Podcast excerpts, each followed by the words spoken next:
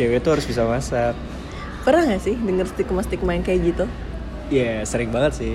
Kalau kamu tuh biasanya sering denger apa gitu? Misalnya dari teman atau dari keluarga atau dari ya lingkungan pertemanan dan segala macam biasanya kayak gimana sih? Ya stigma tuh banyak banget. Hmm. banyak banget yang ada di society ya. Misalnya kalau kita ngomongin dari sisi ya cewek nih misalnya Iya kayak cewek gimana dari sudut pandang cewek tuh kayak Iya, gimana katanya tuh cewek kalau cantik tuh kalau yang non hijab ya harus yang rambutnya panjang, Hmm. lurus, harus yang kulitnya putih, harus yang badannya kurus, harus yang body goals, hmm. gitu, harus yang ya wajahnya flawless, nggak ada jerawat gitu-gitu. Itu definisi cantik. Itu kan menurut aku sebuah stigma. yes. Atau kalau secara perilaku misalnya ya, cewek kan ngapain sih tinggi-tinggi em, kuliah, ngapain sih tinggi-tinggi kerja? oh itu sih parah sih Nanti kan Hmm. harus uh, mengabdi juga sama suami di rumah. Harkat martabat wanita itu kan hanya sorry ya, Iya. aku sering banget dengerinnya kayak Iya. cuma sumur dapur kasur tuh menurut aku kayak aduh apa sih gitu loh. Hmm. Iya gak sih? by the way kamu ngomongnya kayak ini deh apa namanya Apa nih? kayak artis-artis Indosiar yang di zoom in zoom Oh out iya, itu yang tiba-tiba kayak teng teng teng. Iya, iya.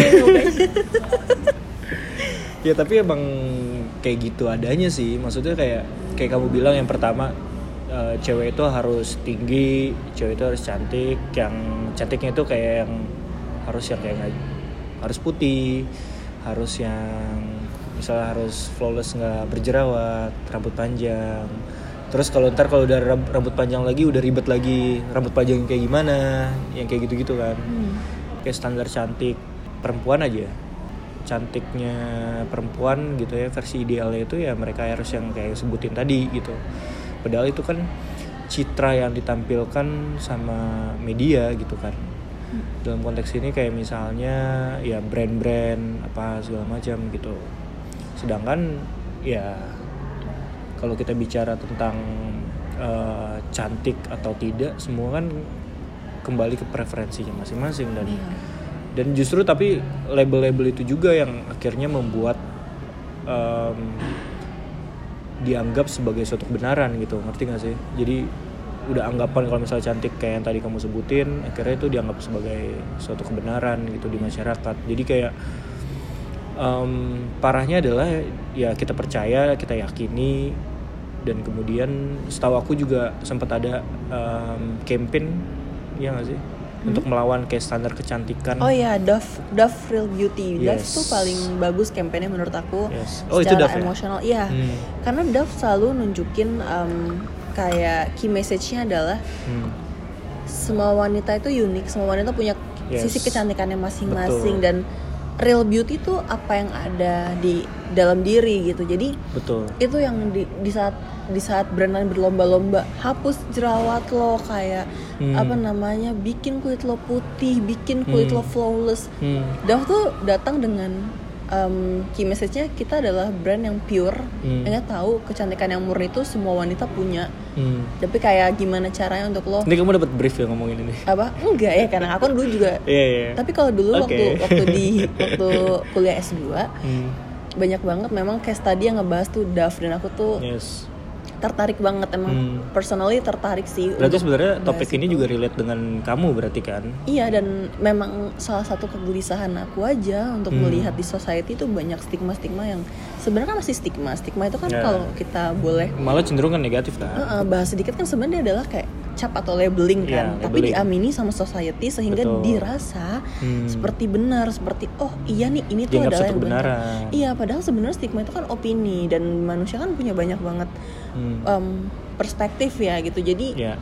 sayang aja sih kalau misalnya ada hal-hal yang kayak apalagi kalau yang menurut aku merugikan ya misalnya kayak cewek tuh harus gini cowok tuh harus gitu apalagi ada kayak toxic positivity yang kayak eh, eh, sorry toxic mas masculinity yang kayak cowok tuh gak boleh nangis cowok tuh Hmm. harus kuat cowok tuh Hmm. harus ini itu gitu Hmm. kayak apalagi setelah nonton film nanti kita cerita tentang hari ini ya yang Iya. kemarin Oh. film itu bagus banget untuk menyampaikan pesan bahwa kita semua punya emosi Betul. manusia tuh punya emosi kita semua punya perasaan ya berkawan aja dengan itu Betul. gitu jangan sampai kayak toxic Nggak usah posi- dilawan. iya toxic positivity itu untuk kayak kita harus senang terus kita harus baik-baik aja ya nggak apa-apa kalau nggak baik-baik aja nggak apa-apa Iya. kalau kamu sedih kayak nggak Hmm. apa-apa gitu Hmm. itu sih yang menurut aku kayak orang-orang tuh misalnya kayak jangan mengeluh jangan sedih kayak harus seneng Hmm. siapa siapa yang bilang itu dan kenapa semua society mengamini itu sih kenapa menurut aku stigma tuh adalah hal yang kayak kalau nggak dikupas atau diomongin lah minimal ya orang tuh bisa miss aja gitu Hmm. Iya betul sih. Em, balik lagi kayak misalnya kayak tadi kamu sempat nyinggung kayak cowok itu nggak boleh nangis, nggak boleh sedih, atau nggak eh, reaksi kalau dia tuh eh, lemah gitu. Hmm. Selama ini kan kayak dianggap ya cowok itu harus kuat, harus jadi yang terdepan gitu kan. Seolah- Seolah-olah tuh kayak ibaratnya mereka nggak punya eh, perasaan lain gitu selain harus kuat tadi. atau seolah nggak nggak diperbolehkan untuk menunjukkan Ya, perasaan nggak, gitu nggak diperbolehkan juga untuk menunjukkan sisi yang mungkin yang dianggap kayak masyarakat sisi lemahnya lah ya. Mm-mm. gitu kayak dia harus nangis sedih segala macem. Kayak misalnya kemarin aja gitu kan yang pas Kobe Bryant misalnya. Mm-mm. Kobe Bryant meninggal gitu ya. Aku baca sekitar jam 3 atau setengah 4 gitu. Pas aku dan nggak biasa juga aku langsung kayak cari HP buka Twitter. Terus tiba-tiba rame kalau Kobe meninggal dalam kondisi yang kayak gitu. Terus juga sama anaknya Em, iya aku secara apa ya ya aku bahkan bilang sama kamu kayak sepanjang hari itu aku kayak Mhm. aku sedih banget lebay Iya. nggak sih kayak ibaratnya em, bi- harus sesedih ini segala dan aku macam. bilang enggak kan ya Iya. kayak nggak apa-apa gitu. maksudnya dibalik eh, tragedi yang per- yang mengenaskan itu tentu ya Hmm. itu kan karena sebelumnya juga em, aku ngikutin Kobe juga nemenin anaknya si Gigi ton Dallas Mavericks. Bicara tentang Kobe Bryant orang orang nggak perlu harus ngikutin NBA iya iya. Untuk tahu siapa Kobe Bryant artinya kan dia melampaui em, olahraganya sendiri gitu. Iya. apalagi banyak juga yang tersentuh kayak gimana dekatnya dia dengan anaknya. Iya itu aku itu itu banget sih. Sama Gigi family terus man banget family man sama family istrinya man. juga. Sama si Vanessa Iya. gitu. Itu kayak wow gitu. Maksudnya kayak dibalik betapa gemilangnya dia di NBA dengan capaian five time championship bla bla bla segala macam. Ketika ada kabar kayak gitu ya udah. Lo sebagai cowok nangis nangis aja gitu. Bahkan aku bilang kayak em, aku setelah itu kan kayak beberapa jam setelah kejadian itu ada beberapa podcast yang aku dengerin kayak podcastnya Bill Simmons. Kalau misalnya di Indonesia ada misalnya ada box out. Ya mereka nih cowok-cowok ini bilang ketika misalnya ada kejadian itu mereka nangis gitu. Hmm. karena ya sedekat itu ada juga ngerasa kayak oh dibalik oke gue nggak nggak bukan fansnya si si apa namanya Lakers tapi ya gue deket dengan apa namanya tahu lah ibaratnya bicara olahraga bicara NBA bicara si ya, orang juga tahu tentang Kobe Bryant kayak Hmm. gitu karirnya itu kayak gimana apalagi juga ada juga yang ngomong di salah satu podcast kalau misalnya ya selain karirnya itu ya dia membayangkan kalau misalnya ya dia dia saat ini misalnya uh, dia punya anak kayak gitu terus bisa meninggal dalam kondisi kayak gitu gitu. Ya emang bener sih kayak stigma dan lain-lain itu emang perlu kita lawan juga gitu. Kayak cowok nggak boleh nangis ya nangis aja emang kenapa gitu? Iya.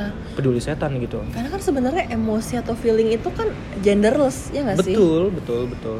Kayak- iya. kayak nggak nggak milik siapa-siapa gitu. Iya, kayak kenapa harus cuma cewek yang boleh nangis gitu, Betul. atau kenapa cuma cowok yang boleh uh, merasa kuat gitu. betul. Hmm. Ya emang sih kayak misalnya kayak tadi kita buka dengan eh, cewek itu harus bisa masak gitu. Lah sekarang sih gimana ya? Hidup di kayak di modern relationship tuh udah nggak ada lagi sebenarnya harusnya kayak jembatan maksudnya kayak jurang pemisah antara si tadi yang kamu bilang gitu kayak Iya. cewek itu harus di mana bla bla bla segala macem. Cowok itu harus yang gimana gimana karena emang kita tuh berusaha untuk kayak eh, ngelawan stigma ini bisa kita melakukan pembenaran. Pembenaran tuh maksudnya kayak kita bisa kita lawan dengan kita buktiin aja. Atau emang kita udah nggak pedulin aja gitu. Kalau nggak pedulinya gimana tuh? hmm? Kalau nggak ya pedulinya artinya gimana? ya artinya ibaratnya em, lo kok kenapa misal cowok gitu ya lo tuh harus kuat lo harus nggak nangis gitu lo harus nggak sedih lah. Ya bodo amat gitu. Siapa lo gitu kan? Ya intinya sih kayak gitu aja gitu. Lo bisa bisa ibaratnya memberikan kayak eh, perspektif lo kalau misalnya ya siapa pun punya perasaan gitu dan kamu bilang tadi emosi itu genderless gitu nggak nggak mengenal cowok cewek harus kayak gimana harus kayak gimana gitu iya jadi Benar. bisa kita lawan dengan itu atau kita bener-bener kayak nggak nggak usah dengerin aja gitu Iya sih, atau kayak benar untuk kayak membuktikan misalnya kayak oh kalau wanita tuh harusnya di rumah aja jaga anak, jangan Hmm. kerja. Tapi Hmm. kalau misalnya memang misalnya seperti salah satu em, orang yang sangat aku kagumi ya, Najwa Hmm. Shihab. yes Dia bisa mengurus aku juga keluarganya. kagum ya Iya ya, maksudnya dia bisa mengurus keluarganya dengan baik. hmm. Dia juga bisa tetap berkarir, dia juga seterkenal Betul. itu, dia sepintar itu dan dia juga bisa tetap take care of her family gitu. Hmm, Maksudnya ada juga kok orang-orang yang kayak gitu. Kita nggak bisa pukul rata kalau oke kalau dia kerja dia nggak bisa ngurus anak mungkin akan beda porsinya dengan orang yang full menjadi housewife. Tapi nggak bisa pukul rata kalau orang-orang yang bekerja di luar sana ibu-ibu yang bekerja di luar sana itu nggak ya bi- nggak bisa care juga sama keluarganya gitu. Ya artinya ibaratnya em, standar yang kita pakai tuh menurut aku ya kayak ya standar apa yang kita yakinin dan maksudnya kita nyaman aja gitu bukan kayak standar yang harus kayak dicap di masyarakat harus ini harus itu segala macam gitu. Jadi bener-bener ya senyaman kita aja gitu. Apalagi kalau misalnya bicara dalam konteks keluarga gitu ya kan? Hmm. konteks keluarga kayak tadi yang kamu bilang anak tuh harus kayak gini-gini juga. Cap untuk ke anak juga ada kan kayak Iya, gitu. iya, iya, di mana kayak apa-apa semua harus ngikutin orang tua segala macem. Dan aku tuh salah satu juga anak yang tumbuh di uh, keluarga yang aku bisa bilang ya cukup egaliter di mana kayak kita punya suara yang sama tapi kita juga nggak lupa perannya masing-masing gitu Hmm. kayak gue sebagai adik gue punya abang-abang gitu ya atau gue sebagai anak gue punya orang tua gitu tapi ketika kita menyampaikan pendapat kita berada dalam posisi yang setara gitu Hmm. artinya siapa pun suara ya didengar siapa pun lu gitu kayak mau cucu cucu yang ngomong atau anak yang ngomong gitu. Kayak atau abang gue yang ngomong atau orang tua yang ngomong gitu. Itu dalam kondisi yang setara gitu dalam dalam hal itu gitu. Artinya setiap orang tuh bisa menyampaikan argumen Iya. argumennya masing-masing gitu. Tanpa juga kita gak terlepas dari tadi gitu. Kita tahu perannya kita sebagai apa tapi di luar itu kita belakangin dulu ketika kita memang berdiskusi semua orang tuh punya suara gitu. Nggak ada yang siapa yang paling dominan karena ibaratnya di struktur di keluarga oh dia sebagai ayah yang harus kita hormatin. Tentu dia dihormatin tapi kalau misalnya dalam konteks diskusi dan lain-lain kita ya semua sama gitu. Iya. semua bisa didengar gitu. Dan dan itu sih yang salah satu yang aku eh, syukuri juga kalau misalnya di di keluarga. Jadi kayak tumbuh di keluarga yang mengajarkan itu tuh ya salah satu privilege menurut aku gitu. Di mana kayak kita em, harus berdamai dengan perbedaan. Apalagi di Indonesia gitu beragam banget suku ras agama gitu. Kalau kita nggak berdamai dengan itu gimana caranya untuk hidup gitu? Susah kan gitu. Akhirnya sebenarnya ya akhirnya ribet sendiri gitu. Itu dia yang akhirnya em, menurut aku kalau kita bicara tentang stigma dan lain-lain akhirnya pecah sendiri. Misal kayak contohnya adalah aku contoh lagi di olahraga misalnya. Hmm. mau salah gitu misalnya di Liverpool dengan pencapaiannya segala macam gitu. Terus juga ya dunia respect gitu. Dia datang dari eh, ya keluarga muslim gitu kan. Keluarga muslim ya dan terbukti gitu kayak angka Ya, ini mau salah ya? Iya masalah angka terhadap kayak misalnya rasisme di Inggris misalnya khusus kota di di Liverpool gitu ya menurun gara-gara masalah gitu. Jadi kayak ya bahkan em, ya stigma kalau misalnya Islam teroris Iya, agama iya, teroris itu- kayak gitu-gitu akhirnya tuh bisa terbantahkan sendiri dengan ibaratnya eh, orang-orang yang emang dia stand up di bidangnya dan akhirnya orang-orang respect oh ternyata emang citra misalnya citra eh, Islam nggak kayak gitu. Betul betul. bawa ke- kedamaian mereka juga ibaratnya si Mosalah juga di tengah yang lingkungan yang tentu pasti berbeda gitu dia bisa berprestasi gitu kan. Bisa bi- bisa membawa sebuah kayak eh, citra positif gitu yang akhirnya menihilkan stigma-stigma itu gitu. Karena aku lihat juga stigma itu banyak irisannya gitu loh. hmm, gimana? Dia juga masuk ke semakin luas stigma hmm, itu tuh bisa masuk ke rasisme, betul bisa masuk ke bullying. betul Dan itu betul dan itu rata-rata sudah terbentuk sejak kecil gitu. betul Misalnya kayak Hmm, hal kecil lah seperti misalnya sorry gitu kayak eh sipit lo Cina Betul. gitu atau misalnya ih Cina kan pelit Padang kan pelit Hmm. atau kayak misalnya ih ih eh, cewek itu pakai cadar ih eh, teroris gitu Iya. Hmm. gitu Jadi atau deketin. iya atau misalnya hal yang kayak body shaming juga bisa masuk kayak misalnya ih gendut banget sih lo kayak bakal nyus aduh mas ah setim sama dia dan olahraga ntar nyusahin things like that lah Iya, maksudnya iya. Itu ada. iya Betul. stigma stigma seperti itu tuh banyak banyak stigma tuh ya jadi mostly jatuhnya negatif gitu Ya, emang emang negatif. Iya memang negatif karena kan maksudnya stigma itu kan kita nge-labelin orang kan. Hmm. Padahal kan label itu kan adalah label tuh ditempel di mana sih? Di paling luar kan Hmm. kalau dalam produk. Hmm. Kita belum buka package-nya, kita belum lihat kualitas barangnya dalamnya seperti apa. Hmm. Sama manusia juga gitu. Begitu orang udah put label di, di satu orang, Hmm. apalagi salah Ap- biasanya salah ya kan? Ya ibaratnya apa pun yang dia lakukan ya akan salah iya, juga. dia gitu cuma kan. lihat labelnya tapi nggak lihat Hmm. dalamnya dan makanya kenapa kayak menarik untuk mengangkat em, tema tentang stigma karena Hmm. Stigma itu memang sangat-sangat ya berbahaya sebenarnya hal Betul. hal kecil tapi makin lama makin lama bisa ya itu melebar ke bullying bisa mengarah ke dep- depression kepada Betul, orang yang betul. mengalami Hmm. dan berakhir ke mana-mana bisa berakhir ke Ya, mental illness bahkan suicide Ya kita nggak pernah tahu ya itu bicara ini ya apa namanya efeknya itu ke dalam individu ya bahkan Iya. itu tadi kayak label-label yang em, kayak misalnya Islam teroris apa segala macam yang udah jadi ya bagi sebagian orang akhirnya percaya kan gitu Hmm. bahkan banyak negara juga akhirnya percaya gitu dengan dengan labeling kayak gitu gitu akhirnya kan mengarah kepada kekerasan Hmm. ya kan bi- bisa mengarah ke konflik gitu Iya. akhirnya ya tadi kayak kamu bilang dari awalnya dari label ujung-ujungnya akhirnya eh, pengucilan ya gitu kan. Iya. maksudnya akhirnya bullying dan lain-lain. Ketika itu semakin meluas semakin dipercaya sama suatu masyarakat ujung-ujungnya bisa jadi konflik dan kekerasan gitu.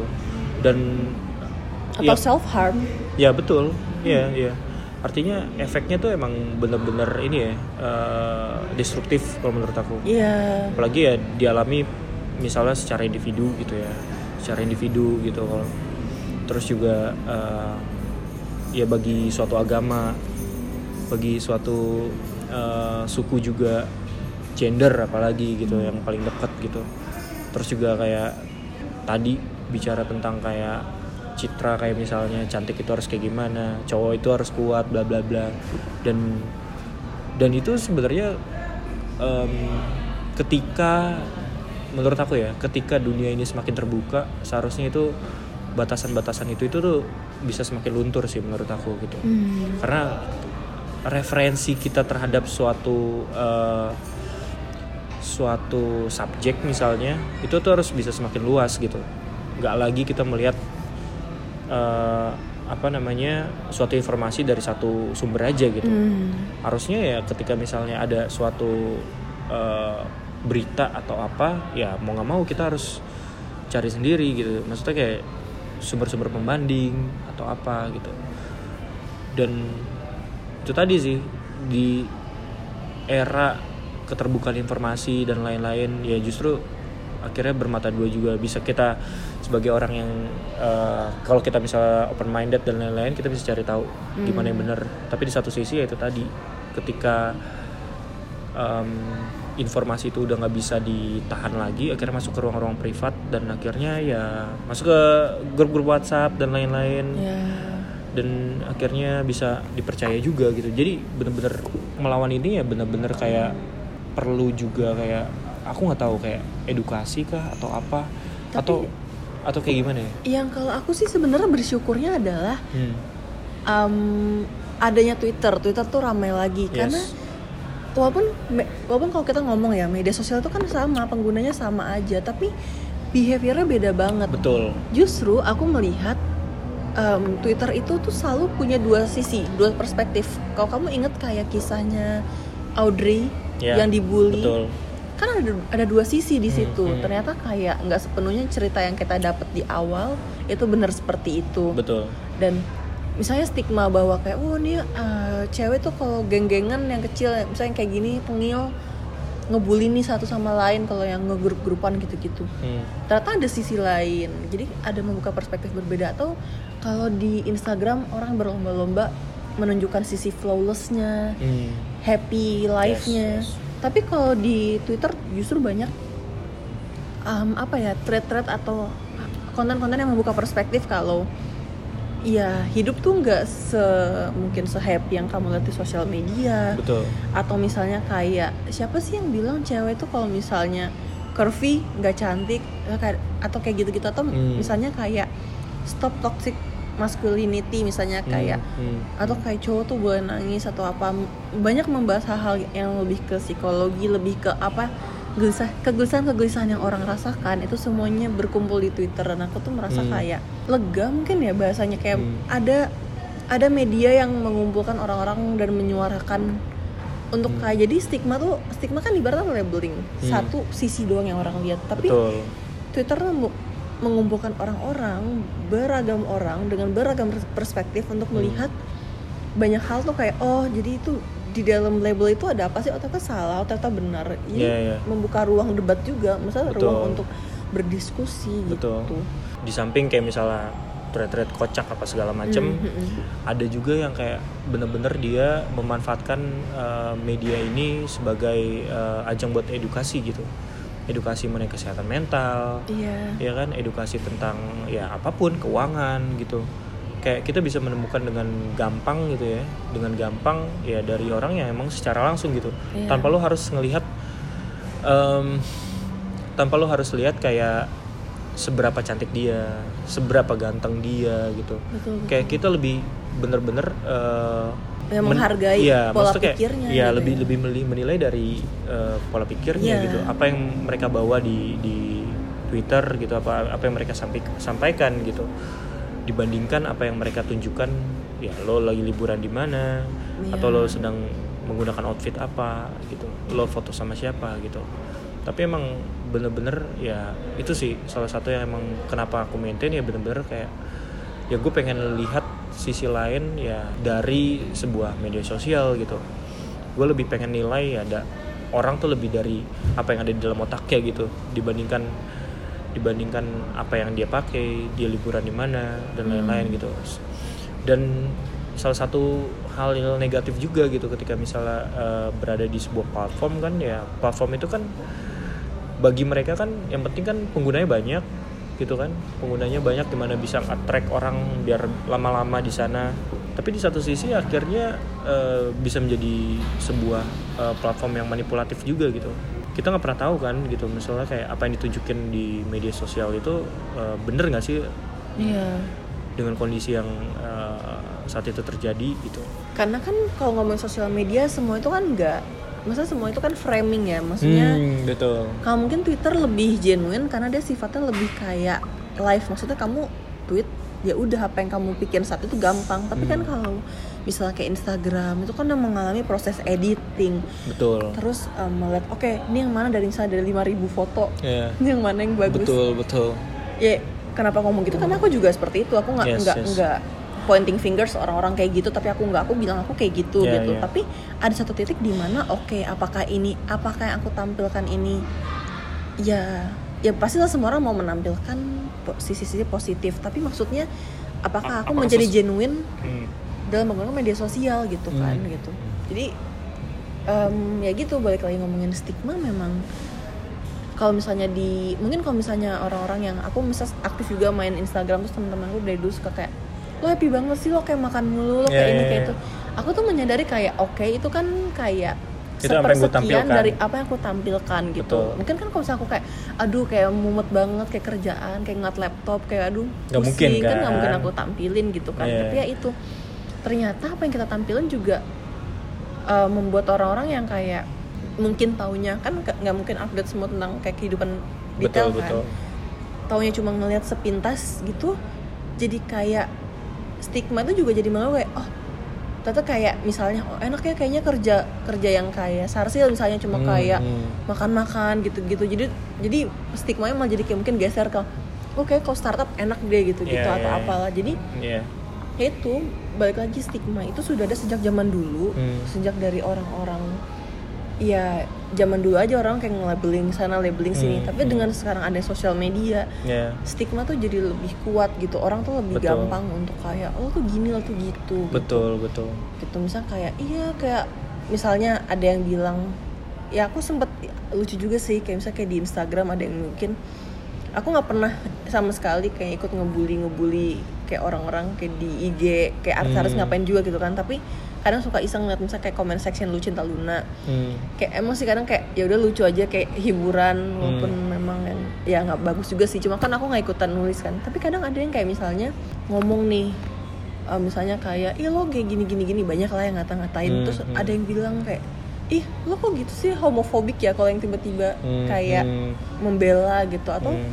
beberapa oh ada SJW-nya juga ya Instagram iya maksudnya Social kayak Justice Warrior tuh ada juga di Instagram. Banyaknya di Twitter. Nah tapi Iya. gitu kalau di situ satu dua mungkin satu dua kayak ada yang kayak gitu. Iya lo homofobik walaupun yang lain tetap banyak yang ngebully. Tapi Iya. begitu kita pindah platform nih ke Twitter hmm. tadi kan ngomongin baik-baik ke Twitter Twitter juga ada sisi buruknya gitu. betul. Begitu di Twitter pindah ngomongin hal yang kayak misalnya ya tentang LGBT atau Hmm. apa. Cuma ada yang kayak bilang kayak oke kayak nggak nggak into that gitu kayak Hmm, nggak hmm, nggak setuju tapi ya nggak against yang kayak Hmm, juga gitu hmm, hmm. Tapi diserang diserang kayak "Ih, lo homofobik lo nggak Hmm. lo nggak support humanity gitu gitu maksudnya kayak banyak banget versi kayak stigma tuh kayak maksudnya aduh kayak lo lo support gay atau LGBT salah lo nggak support salah atau kayak lo lo gimana salah jadi banyak banget kayak stigma tuh kayak menurut aku tuh ya itu saling nge-labelin satu sama lain aja. Jadi tuh kayak ribet sih menurut aku Ya, ya, ya, ya, pada intinya kan sebenarnya media sosial itu kan platform yang kosong kan? Kita yang mengisi kita yang akhirnya. mengisi. Emang manusia manusia tuh memang unik sih. Iya, gitu apalagi iya. dengan kondisi ya sekarang. Dulu aku inget banget zaman zaman stainless straw Hmm. semua orang tuh kayak wah kayak lo pakai stainless straw lo kayak jangan pakai plastik kayak save turtles gitu Iya, kan. iya, iya. save um, earth gitu-gitu. Tapi tiba-tiba keluar lagi kayak oh ternyata penggunaan stainless straw itu Hmm. um, berbahaya lebih lebih berbahaya untuk kayak bumi jadi kayak Iya, iya. oke, Karena penggunaan gitu. listriknya tinggi, listrik dari batu bara gitu-gitu ya. Atau kayak gimana sih? enggak ini jadi kayak ternyata tuh kayak Dari pembuatannya itu. Dari pembuatannya, Iya. sampai konsumsi kayak listriknya tinggi kan. iya dan bahan pun juga ternyata emang nggak nggak earth friendly gitu jadi kayak ribet kan maksudnya kayak Dilematis. iya dan topik ini memang menarik banget karena banyak yang relate untuk dari sisi stigma kan kayak kemarin seperti episode episode yang kemarin kan pasti aku juga nanya dong Iya, ke teman-teman di Twitter iya. eh sorry di Instagram Hmm. kayak kan pernah nggak sih familiar denger Hmm. stigma stigma yang ada di society dan apa sih yang kayak Hmm. yang kalian inget gitu Hmm. stigma apa sih menurut kalian yang selama ini kalian pernah denger lah gitu Oke. pertanyaannya itu Ah, em, ya pernah denger nggak tentang stigma gitu Hmm. dan hmm. em, apa spesifiknya lagi stigma apa yang paling sering kamu denger itu Yoi. sih jadi yang pertama dari Ed Aloysius Brahmarsi Yoi. stigma yang paling sering Aloy denger katanya cowok itu brengsek atau kurang ajar wah gimana sih kalau dari sisi cowok gimana nih? Cow- cowok itu brengsek dan kurang ajar. Hmm. Ya ada yang kayak gitu, tapi ada juga yang enggak kayak gitu. oke baik Nah, tapi biasanya kalau misalnya yang bilang justru eh, dari cewek ya. iya berarti ini Lab- rata-rata labelingnya dari cewek ya. dari cewek Ya mungkin eh, ini masalah ini aja sih, masalah eh, pengalaman mungkin ya, pengalaman dari yang ngomong aja gitu. Dan juga mungkin ya itu tadi, eh, ini udah juga dianggap sebagai ya suatu kebenaran juga gitu. Iya. Jadi ketika lo menjalin suatu hubungan dan akhirnya tiba-tiba nggak sesuai dengan ekspektasi lo, labeling itu akhirnya ada gitu. Padahal ya untuk yang kayak brengsek dan kurang ajar ya cewek-cewek juga ada yang kayak gitu gitu. Ya brengsek mah genderless. Iya, brengsek tuh genderless brengsek gitu. mah genderless. Kalau Iya. brengsek mah brengsek iya, aja. lo mau brengsek, brengsek aja Iya. Terus yang kedua dari Hmm.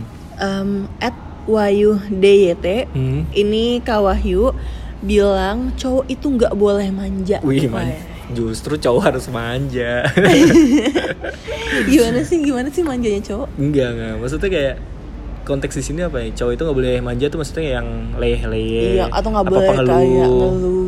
apa-apa ngeluh, apa-apa komplain gitu. Ya, aku sih selama misalnya em, lo ada konteksnya ketika lo harus manja, ketika lo harus ngeluh atau enggak ketika lo komplain ya kenapa enggak sih gitu.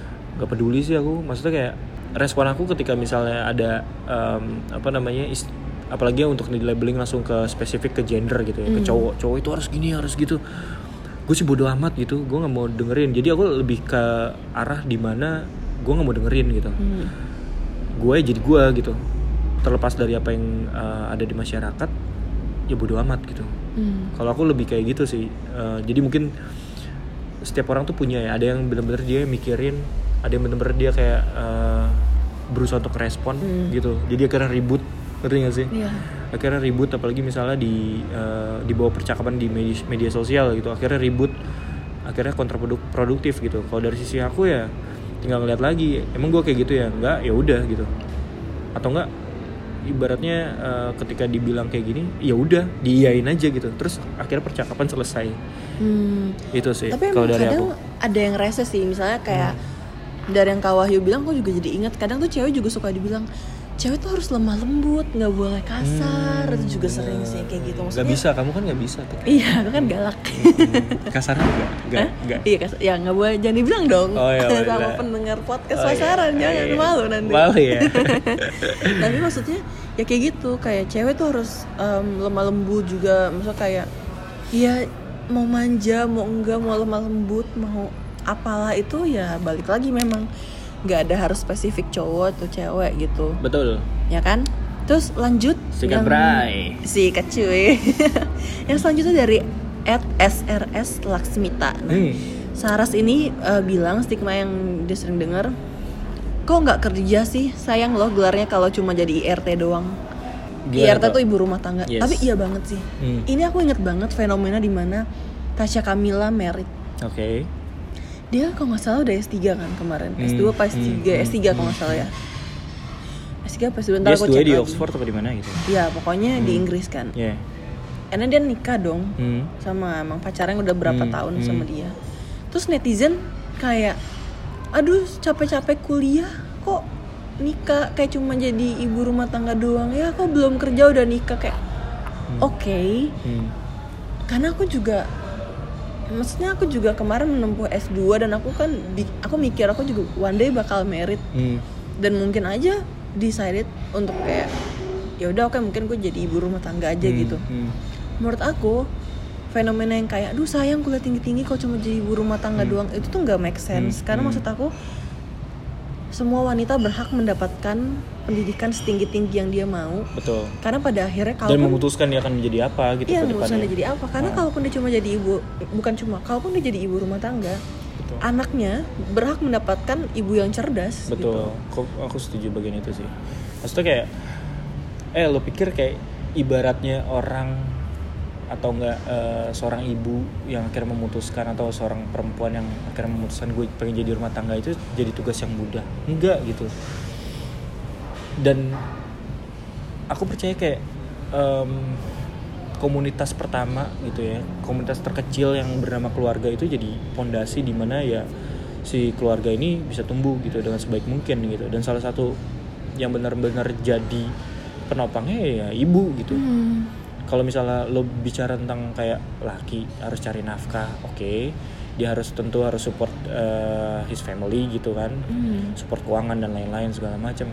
Terus kalau misalnya akhirnya ada yang memutuskan oke gua em, S3 ibaratnya ada cewek yang memutuskan yang kayak S3 udah jadi dokter ibaratnya terus akhirnya dia menikah terus memutuskan untuk jadi ibu rumah tangga terus dianggap sebagai suatu kesalahan atau kayak gimana gitu itu menurut aku jadi sesuatu yang aneh gitu. Nggak ada yang lebih eh, mulia menurut aku sih di mana dia harus si si perempuan atau entah ayah apa segala macam dia bisa menghabiskan waktu ya bersama keluarga gitu. Karena ya pondasi di mana lo bisa tumbuh pemikiran-pemikiran awal lo tentang suatu hal di mana lo bisa bertoleransi dan lain-lain tumbuh dari keluarga gitu. Dan aku percaya gitu kayak misalnya keluarga yang baik gitu ya ya juga akan melahirkan gitu maksudnya kayak anak-anak yang akan berpikiran yang sama gitu dan iya tugas di rumah itu nggak maksudnya nggak nggak mudah nggak juga mudah gitu, nggak mudah iya. banget. mendidik anak tuh nggak gampang Iya. maksudnya ya kalau misalnya udah dapat gelar master lah doktor Hmm, lah hmm, apa bahkan hmm. ya maksudnya sarjana gitu Hmm, nggak harus kok kontribusi di perusahaan kalau kita bisa kontribusi di rumah sendiri ya nggak betul. sih ngebangun mungkin ngebantu orang ngebantu, ngebantu orang untuk membangun perusahaannya oke itu sebuah hal yang mungkin lumrah untuk Mulia. yang orang yang Hmm. orang yang misalnya udah merasa oh gue udah dapat gelar gue pengen bekerja menghasilkan uang sendiri Hmm. tapi juga nggak kalah mulia kok atau misalnya nggak kalah nggak lebih nggak kalah keren gitu iya, kan nggak Hmm. nggak kurang juga kalau misalnya dia memutuskan untuk oke gue akan membangun keluarga gue Hmm. dari rumah karena pada akhirnya anak-anaknya mungkin kayak eh mungkin dia akan berpikir oke anak-anak gue butuh gue gue Hmm. ingin membangun anak-anak yang jauh lebih cerdas dari gue nantinya betul sepakat Yoi. Terus yang selanjutnya nih dari Ed Zulfikar Fauzi. Hmm. Cowok harus mulai duluan. Wah, nah ini gimana oh nih betul lebih setuju sih. Eh, cowok harus mulai duluan. Coba kalau dari sisi, sisi kamu kayak konteksnya tuh kayak gimana? Cowok Ya. itu harus mulai duluan. ya sebenarnya sih, nah kalau Cowok itu, itu harus memulai inisiatif. Gitu. ya inisiatif Ini misalnya gimana deh? kayak, nah em, gimana ya misalnya kayak, Takut terjebak ya gue. ya misalnya kayak, Hmm. em, eh, nah ini balik lagi ke stigma kan, misalnya kayak kalau cewek, aduh kalau cewek ngechat duluan ah murah lu gitu kan, misalnya kayak Hmm, gitu. Betul. Ya emang karena stigmanya juga kuat sih untuk itu. Tapi emang kalau aku sebagai cewek sih emang alangkah baiknya agak setuju sih kayak ya cowok harus mulai duluan gitu. Kalau misalnya untuk inisiatif segala macam. Tapi ya balik lagi stigma itu kan ya labeling kan kita nggak nggak nggak akan pernah boleh setuju sebenarnya sepenuhnya dengan Hmm. stigma. Tapi itu sebenarnya terjadi di terjadi sih fenomenanya karena em, ya itu kayak dalam hubungan dalam asmara tepatnya ya kayak hubungan dua insan kalau Hmm, misalnya hmm, cewek hmm. mau mulai duluan itu juga banyak stigma kayak lo jangan chat duluan Hmm. murah lo lo jangan kelihatan suka duluan gitu hmm, hmm. ntar lo kayak gi- gini gitu banyak lah Aku setuju di titik di mana em, sesuatu yang mau udah hal yang prinsipil gitu. Lo ngajak cewek untuk nikah ya lo harus mulai duluan lah gitu sebagai cowok gitu. Gak mungkin yang kayak malah ceweknya yang inisiatif gitu. Kalau dalam konteks itu nggak oke gitu. Tapi kalau misal kayak dari cuman kayak chat duluan dan lain-lain, aku sih sangat nggak setuju sih gitu. Kayak siapa pun bisa mulai duluan, maksudnya kayak nyari balance-nya aja ketika misalnya ngejalan suatu hubungan terus juga em, lo ngobrol aja sama pasangan lo maunya kayak gimana bla bla bla segala macam gitu dan akhirnya ujung-ujungnya ya itu tadi kalau emang udah sesuatu yang prinsipil bener-bener nanti lo harus melangkah sesuatu yang lebih besar ya aku dalam konteks itu harus harus setuju cowok harus mulai duluan gitu. Tapi kalau cuman dalam daily relationship bla bla bla semua harus dibebankan ke cowok aku nggak setuju ya. Hmm. makanya ladies yang mendengarkan kalau misalnya naksir sama se- seorang cowok yang lo kira kayak wah mungkin dia orangnya. Gak apa-apa chat aja atau curi-curi waktu untuk kayak ngobrol. Siapa tahu eh, memang dia jodohnya ya, ya kalau nggak pakai cara yang lebih elegan aja. Ya lebih subtle. Maksudnya nggak juga Ya. kayak kayak hai notice miss handphone yang kayak ya, gitu. kayak gitu, tapi Cubi, iya. tapi lebih kayak em, adalah jalannya pasti. Cuma Hmm. ya untuk cewek-cewek juga jangan insecure kayak nggak apa-apa untuk ngobrol duluan. Cowok-cowok juga ya nggak apa-apa gitu. Maksudnya kayak cowok cewek ngobrol tuh adalah hal yang biasa terjadi dalam hubungan antar manusia. Jadi betul. jangan dibebankan per gender sih. Betul. Intinya gitu. Mantap. Next. Dari mana nih? Kita lihat dari Ed Syafadila Tasya nih. Hmm. Jadi dia bilang, kok bisa jadi Tasya ini temen aku namanya Tasya Fadila. Oh, Hai iya. Tasya Hai- juga, hai, Tasya juga Tasya. sering dengerin. Hmm, thank you podcast. Tasya Jadi Tasya bilang, stigma yang dia sering denger tuh, kamu harus mau dijodohin, soalnya mukamu biasa aja. Hmm, ini kok lucu banget sih sedih tau. sedih lucu sih kok aku baca lucu sih hmm. kamu harus mau dijodohin soalnya kamu biasa aja It's it's sad. Oh iya sih. Iyalah. lu ya enggak maksudnya, Iya, maksudnya kayak, kayak- ini kayak dark jokes gitu gak sih ya kinda. Iya, iya. Tapi maksudnya kayak ya di, di, di satu sisi emang emang maksudnya kalau muka lo jelek lo nggak bisa milih gitu aku nggak pernah setuju sama istilah kata ada muka jelek di dunia ini iya maksudnya kayak Iya kalau ini kan dia memakai istilah Iya, itu iya, kan, iya, iya. maksudnya, Maksudnya kayak, kayak muka- mukamu biasa aja maksudnya jelek Iya, atau maksudnya- aku nggak tahu konteksnya ke siapa gitu intinya mungkin ini aku nggak bicara subjeknya ya jadi kayak ya bisa jadi ya biasa aja maksudnya di sini kan kayak aduh muka lo yang gitu-gitu aja Tapi ya atau mungkin Atau- stigma yang kayak secara iya kalau misalnya misalnya ada orang-orang yang mungkin keluarganya concern oh kok kayak em, anak gue belum belum menemukan pasangan terus kayak mungkin ada tercetus kayak dari society aduh dijodohin aja deh so kayaknya Hmm. dengan asumsi mungkin kayak nggak dapet sendiri atau gimana Hmm. ya stigma nah itu juga masuk ke dalam irisan stigma orang-orang kayak lo tuh harus punya pasangan lo tuh harus kan kayak lo harus nikah di Indonesia tuh kayak memiliki pasangan dan menikah cepet tuh somehow sekarang jadi prestis gitu Wow. itu jadi kayak Kok maksud- bisa sih? Nah, I don't know mungkin ada part of social media juga di sana Oh, iya. gitu Oke. ada part of the trend juga di mana Hmm. kayak makin banyak orang-orang yang menunjukkan kayak Aku aku ide, aku ingat baca kemarin. apa Jadi ada ini apa namanya akun em, yang intinya tadi yang promote dia untuk nikah nikah cepet lah nikah Mm-mm, muda. mm-mm. Kayak terus dia di breakdown gitu. Kayak biaya nikah di KUA nol. Terus juga perangkat eh, apa namanya seperangkat alat sholat itu cuman berapa ratus ribu, dua ratus ribu. Terus ada apa lagi apa apalagi gitu. Kayak totalnya cuma 800 ribu atau berapa gitu. Terus intinya kayak nikah murah kan gitu. Terus ada yang nge-replay gitu. Kalau gua nggak suka sholat, terus kayak gimana? Kan tadi seperangkat alat sholat. itu lucu banget bangsat. gue ngakak. Kalau gue nggak suka sholat gimana? Oh, iya juga sih. Iya. itu lucu banget sih tapi anjir. suwe sih nikah nggak segampang itu sih kayak Mangga itu lucu banget. kayak mau bersama anak orang nggak semurah 800 ribu juga tolong Iya, maksudnya kayak lo harus punya persiapan kampret gitu kayak gitu. Iya, Tapi gila. replaynya sih epic sih anjir. ya cuma itu kayak maksudnya harus eh, ntar dijodohin aja deh daripada nggak nggak ada pasangan atau Iya, gimana iya. gimana atau bahkan sampai kayak masuknya di body shaming kayak gitu Hmm. kadu mukanya aduh kayaknya kamu nggak bisa dapet sendiri segala, Hmm. segala macam kayak udahlah maksudnya Iya maksudnya kayak lucu sih. Harus dari line kata-kata yang gitu. harus kayak dijodohin aja tuh kayak perta- pertama tuh kayak lo nggak memberikan akses untuk kayak entah mungkin ini orang tua yang ngomong ya ke anaknya. Em, lo nggak memberikan akses eh, kebebasan sama anak lo untuk memilih pasangannya sendiri. gitu. Iya, Gimana lo betul. kemudian mengharapkan anak lo bisa baik-baik aja gitu nanti ketika misalnya menjalin hubungan ketika untuk jodoh pun dia harus dijodohin gitu. iya Make sense gak sih? Maksudnya kayak karena kan semua orang berhak untuk menentukan Betul. um, pilihan hidupnya sendiri, whether itu kayak kuliah, kerja, Hmm. bahkan ya pasangan tentunya Betul. gitu. Jadi ya sedih sih ada ternyata ada stigma itu di di society kita Hmm. bahkan stigma untuk harus memiliki pasangan dan dijodohin aja menurut aku udah cukup sedih gitu. Iya, betul. Next ini dari Ed Nolenols Hmm.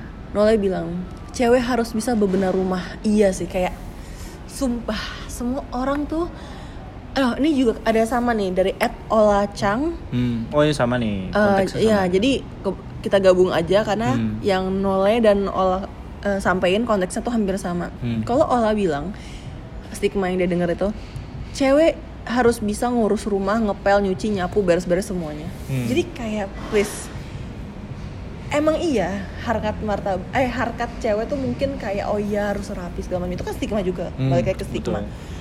cowok juga bisa Iya, iya. cowok juga harus beres-beres rumah Hmm. kalaupun cewek nggak bisa beresin rumah misalnya atau belum terlalu mumpuni untuk beresin rumah ya nggak diharuskan juga untuk kayak lo wajib bisa karena lo cewek Iya, tapi betul. lo wajib bisa karena lo adalah manusia yang yang pada hakikatnya harusnya menyukai kebersihan Betul. bukan karena lo cewek atau karena lo cowok Karena aku lebih kayak ini sih. Kayak eh, cewek itu tadi bilang cewek harus bisa beres rumah atau kayak gimana ya aku sih simpel sih kayak ibaratnya ya masa lo mau membiarkan rumah lo eh, kotor sih gitu artinya siapa pun yang menghuni situ sih punya kewajiban untuk untuk bertanggung jawab gitu sama isi isinya Iya. gitu termasuk kayak kebersihan dan lain-lain gitu sekarang tinggal dibagi aja kalau misal lo eh, lo sebagai anak misalnya di sini ya peran lo harus kayak gimana di situ jadi Iya. bener-bener bukan yang cowok yang bener-bener kayak eh, lepas tangan kalau Iya, kalau iya. kalau urusan rumah tuh urusan cewek Iya iya lain-lain, betul betul gitu. itu betul banget. Jadi ya itu tuh kayak cuma menurut aku ya Hmm. cewek harus bisa masak harus beres-beres harus bisa semuanya. Itu tuh cuma excuse patriarki aja. betul Cuma kayak cowok-cowok yang ngerasa kayak aduh gue males jadi itu kayak kerjaan cewek karena cewek lebih rapi cewek Hmm. kayak butuh untuk ngurus rumah karena gue udah capek nyari kerja segala macem. Hmm. Kayak maksudnya itu excuse patriarki aja kayak nggak mau lo cowok kayak mau lo cewek Hmm. lo punya tanggung jawab rumah ya lo beresin betul itu sih Hmm. oh di bagian ini Sarsul emosi Iya sorry anti banget sama pakem-pakem patriarki gitu kan. Iya, siap siap terus em, next dari oh dari at nsslgn hmm. dari Nisa Legina alias Gina. Hmm. cuma mau bilang nggak sabar denger episode podcast pasaran selanjutnya. Aku selalu dengerin loh katanya. "Uh, thank you Gina. Thank you Gina. Hmm. terus next eh, oh dari at Ola Chang. Ola juga mention lagi paling males denger cewek itu di rumah aja nggak usah kerja mana ya? paling males paling males denger Hmm. cewek itu di rumah aja nggak usah kerja ya itu yang kayak tadi ya Hmm, sempet hmm, aku bahas hmm. kayak cewek tuh nggak juga harus di rumah doang beres-beres rumah Hmm. cewek cewek juga berhak kerja cewek Hmm. berhak kuliah cewek berhak berhak berkarir berhak berkarya Hmm, juga berhak berkarya betul jadi kayak nggak ada limitasi harus gini dan harus gitu Ya. karena kamu gender gini gender tuh kan kayak hal yang kamu nggak bisa pilih kan betul kamu dilahirin jadi cowok atau jadi cewek ya udah Hmm. itu hal yang nggak bisa kamu pilih tapi kamu bisa memilih kamu jadi apa ke depannya kamu Hmm. mau berkarir kah atau apa atau mungkin males-malesan pun nggak ngedefine kamu cowok atau cewek gitu loh maksudnya betul. Ya ibaratnya kayak kalau aku simpelnya gini, ketika eh, misal untuk cewek ya, ketika di kantor ya dia sebagai karyawati bisa juga jadi manajer, jadi bos gitu. Tapi Hmm. ketika misalnya balik ke rumah ya dia bisa jadi seorang ibu, bisa jadi seorang istri gitu. Iya. Artinya perannya tuh nggak bener-bener harus kita lihat eh, secara holistik gitu. Nggak bisa kita harus ngelihat kayak cewek itu harus cuma satu aja gitu satu peran aja dia Iya, harus satu memainkan satu peran. peran sebagai ibu rumah tangga aja gitu aku lebih setuju kayak em, perannya itu tergantung lingkungannya sendiri gitu Hmm. artinya ya cewek itu juga ber- berhak berkarir berhak berkarya tapi juga nggak melewatkan atau enggak eh, menihilkan peran ibaratnya sebagai istri misalnya sebagai juga seorang ibu yang baik buat anak-anaknya gitu Intinya itu sih Hmm. Hmm. Terus ini empat respons terakhir itu juga semuanya tentang cewek nih. Hmm. Jadi aku mau bacain satu-satu baru nanti Hmm. kita respon ya. oke Oke dari Ed Deris, hmm. Deris bilang cewek itu ujung-ujungnya jadi ibu rumah tangga. hmm, gue juga mau jadi bapak rumah tangga Ngeselin sih. Siapa yang nggak mau bangun-bangun siang? Iya, bangun tapi ada duit siang, bulanan. Iya, kata- iya, tapi ada Iya. duit bulanan gitu.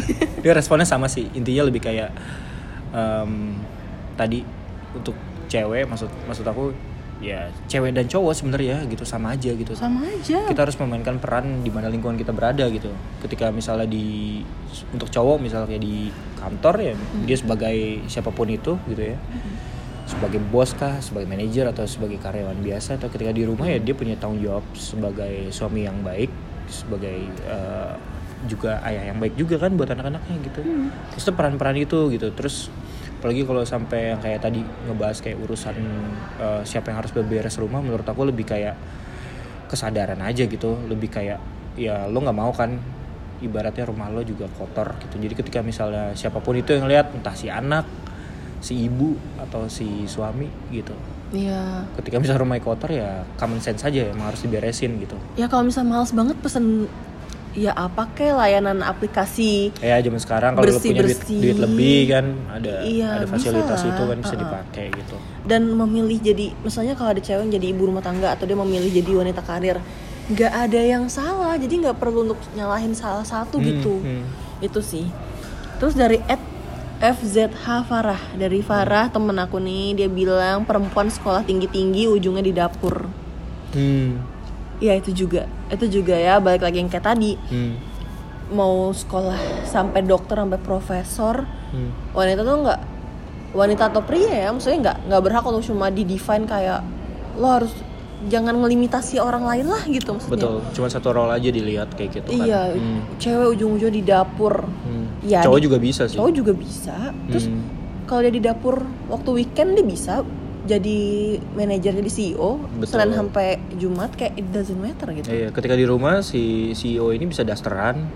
Ya Iya. kan? Maksudnya kayak bisa jadi yang se- selebor itu gitu Iya. tanpa dia melihat bawa bawa, bawa kayak eh, ininya dia apa namanya role ya di di kantor itu sebagai apa gitu perempuan sekolah tinggi tinggi ujung ujungnya di dapur sih ya Farah Quinn juga bisa dihitung gitu Waduh, Farah Queen. Yo iya kan chef siapa yang terkenal tuh chef Renata ya Hah, Mariska. Chef Mariska juga ada, ada Iya. yang lagi terkenal juga tuh yang gitu-gitu.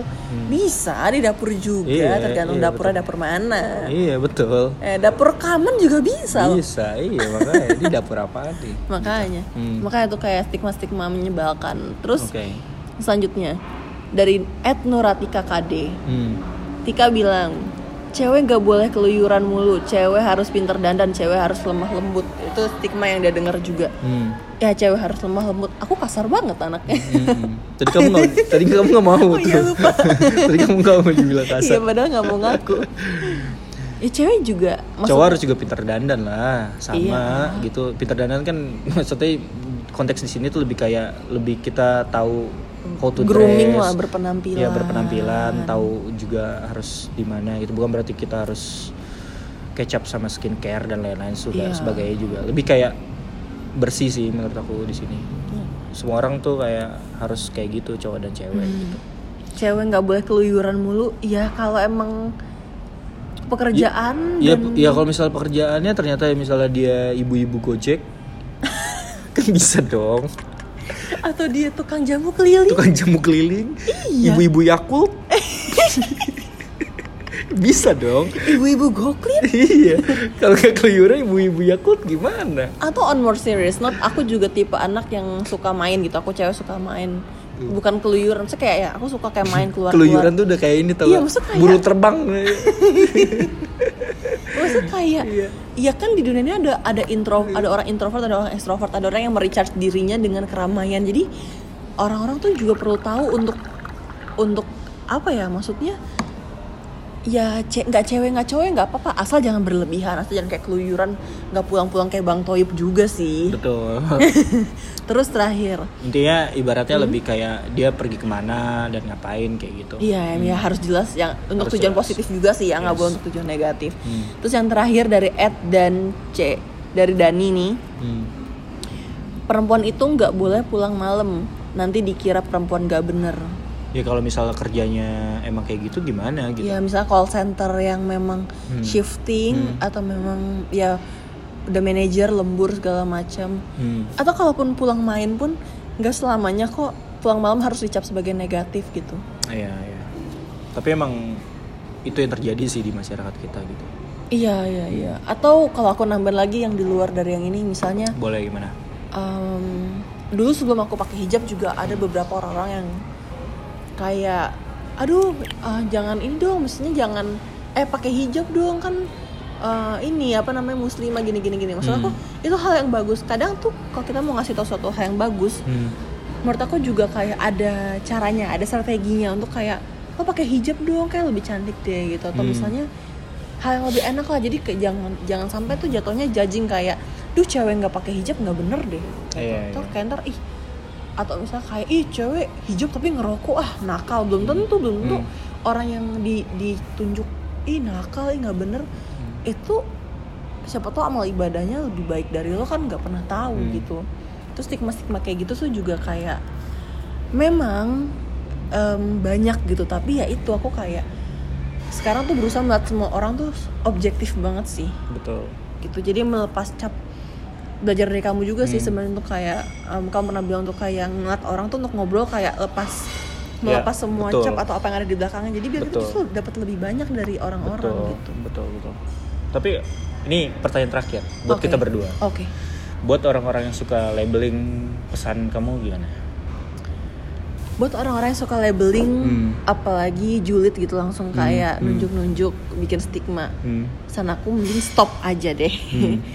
Buk- gimana ya mending kayak sebelum menunjuk-nunjuk gitu semua orang bebas punya opini menurut aku Betul, tapi nggak semua opini patut disuarakan betul, betul.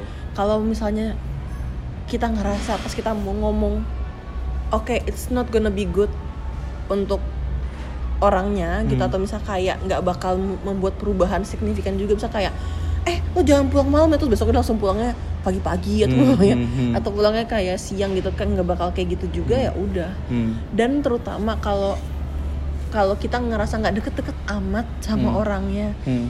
kalau punya opini keep it for yourself aja sih menurut Hmm. aku Hmm. gitu stigma tuh hal yang berbahaya kayak yang kita bilang di awal Hmm. kita nggak akan pernah tahu stigma yang kita kasih apa dampaknya untuk orang lain dan most likely stigma hampir semua nega- negatif Yep. jadi saran aku untuk start ngeliat orang dari sisi objektif genderless Hmm. dan ya udah kalau punya opini yang nggak baik keep it for yourself kalau Hmm. kamu gimana Dari aku anjing ribet loh udah.